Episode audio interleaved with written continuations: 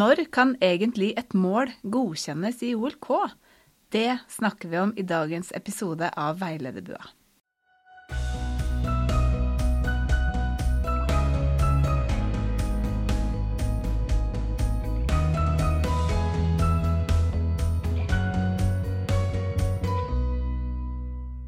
Velkommen til denne episoden av Veilederbua. Vi som sitter i studio i dag, er Heidi Bakken Rygnestad og undertegnede Tove Hansen. Vi jobber begge ved Opplæringskontoret for helse- og oppvekstfag, og lager denne podkasten for deg som er veileder for en BUA-lærling i Oslo kommune.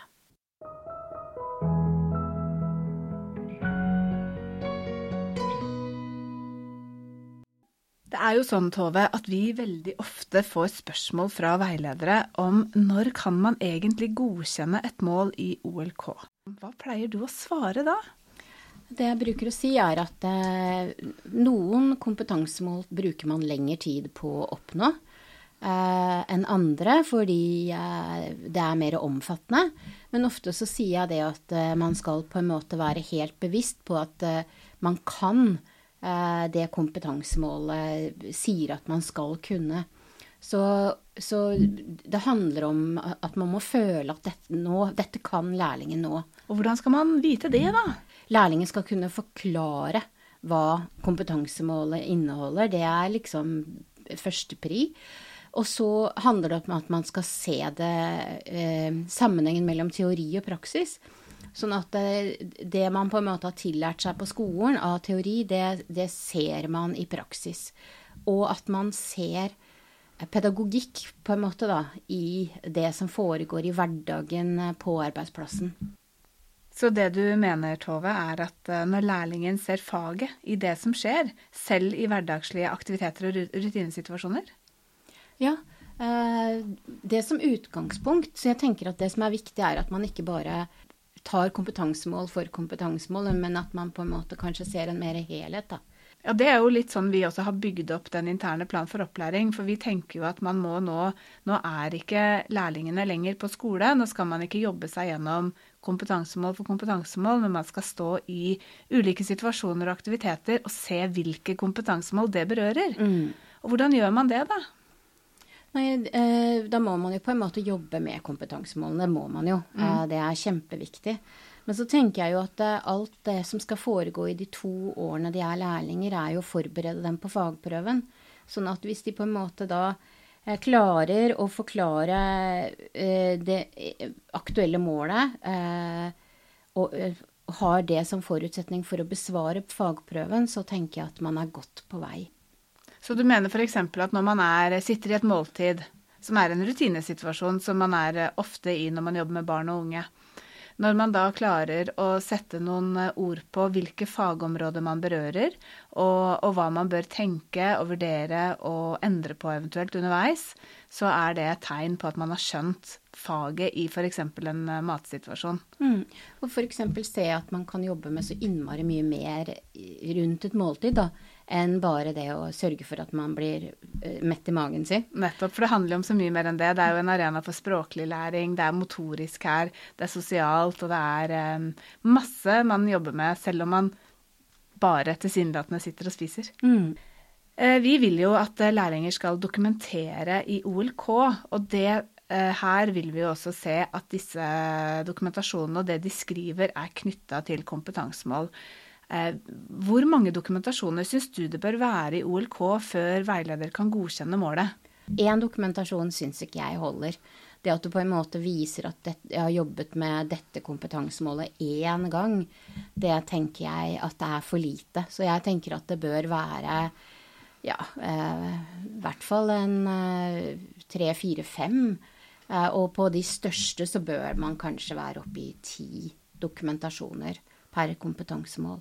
For det er jo noen av kompetansemålene som er veldig store. Noe annet som er viktig å ha med seg inn i når man skal vurdere om målet go kan godkjennes eller ikke, er jo at man vil aldri være ferdig utlært. Eh, det er man ikke selv etter en eh, mange års erfaring i yrket heller. Men at man skal kunne nok, og at du kan se at lærlingen har en eller annen eh, form for forståelse for at man kan finne ny informasjon innenfor dette temaet, og hvor man finner finner den informasjonen. Jeg tenker Det også er et kjempegodt utgangspunkt for å godkjenne et mål. At, eh, og at man har også sett på gråsonene i mål. F.eks. dette med omsorgssvikt. At man ikke bare ser på disse grove mm, sakene med vold og seksuelle misbruk og overgrep, men at man også kan si noe om den litt mer subtile omsorgssviktene i forhold til foreldre som ikke helt makter å følge opp, og eh, dårlig oppfølging i hverdagen osv. Så, videre. så mm. når du ser at eh, man vil aldri kunne kunne alt om alt, eh, men at man kan en del om mye av det, så er det også et godt utgangspunkt for å godkjenne målet. Mm. Heidi, jeg vet at du har en metafor for kunnskap. Kan ikke du dele den med oss? Jeg tenker jo at eh, lærlingen er jo en situasjon hvor man skal lære mye. Og, og, jeg liker å tenke, jeg liker å dra metaforer eh, på det meste. Og det med å lære seg noe, da husker jeg at jeg når jeg lærte om å lære, eh, så var det noen som brukte en kommodemetafor. Og den husker jeg fortsatt. Og jeg har sikkert eh, gjort den om litt og gjort den til min egen. Men hvis man tenker på at lærlingen da skal jobbe med kompetansemål og områder og, og lære noe nytt, så kan man tenke på at for hver gang lærlingen lærer seg noe nytt, så er jo vi mennesker lagd sånn at vi gjerne vil knytte det nye vi lærer, til noe vi kan fra før. Og da kan man se på kunnskapen vår som en slags kommode med mange skuffer, og så sorterer man den kunnskapen ned i den kommoden. Så, så lærlingen erfarer noe, da, lærer noe nytt, åpner den skuffen og putter den kunnskapen oppi der sammen med den andre kunnskapen sin.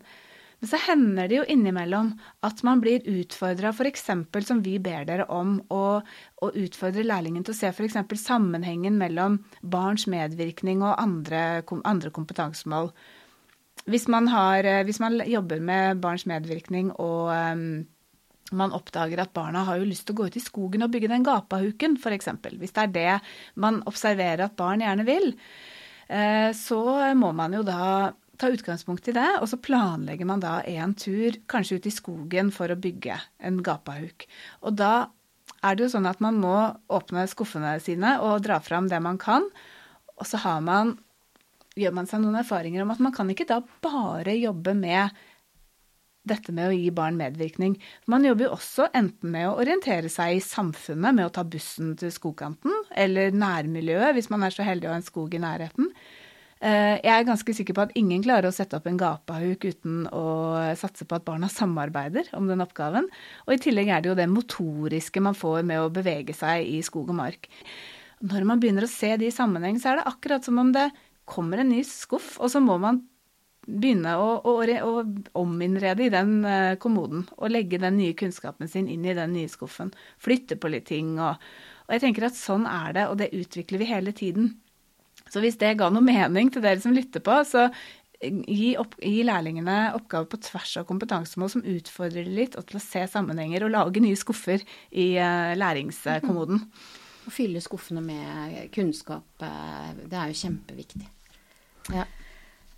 Hvis vi skal oppsummere denne episoden her, da, Heidi, hva skal vi gi for noe tips, da? Jeg tenker jo at det at uh, om du kan godkjenne mål eller ikke, så bør du kunne svare ja på flere av disse spørsmålene her. Og det ene er tror du lærlingen kommer til å få panikk dersom man får spørsmål om dette kompetansemålet på fagprøven? Hvis svaret på det er nei, dette kan lærlingen, så er det jo god kompetanse innenfor kompetansemålet. Mm. Så tenker jeg jo det at hvis man klarer å forklare innholdet i kompetansemålet med egne ord, så er man langt på vei. Ja, for det å prøve å forklare veien til et sted man kanskje ikke helt uh, eh, veit hvor er engang, det blir rimelig dårlig forklaring. Mm. Men i det momentet man kan innholdet, så blir det en god forklaring. Neste sjekkpunkt man kan bruke, er om lærlingen kan se sammenheng mellom det ene kompetansemålet og andre mål eller områder i læreplanen. Mm.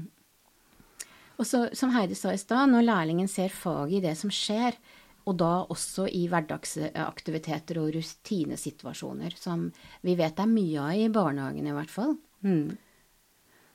Og når lærlingen kan si noe om hvorfor. Man kan si noe om hva som skjer og hvordan det skjer, men i det momentet lærlingen kan si noe om hvorfor. Hvorfor skal man legge til rette for medvirkning? Hvorfor skal man fremme god psykisk helse?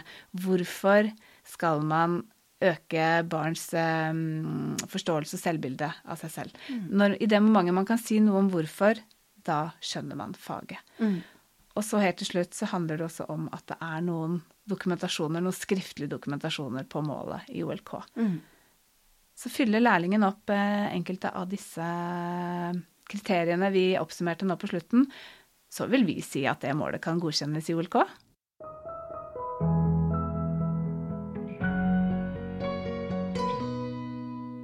Du har nå lytta til Veilederbua, og i studio i dag så har du hørt eh, Tove Hansen og meg, Heidi Bakken Rygnestad.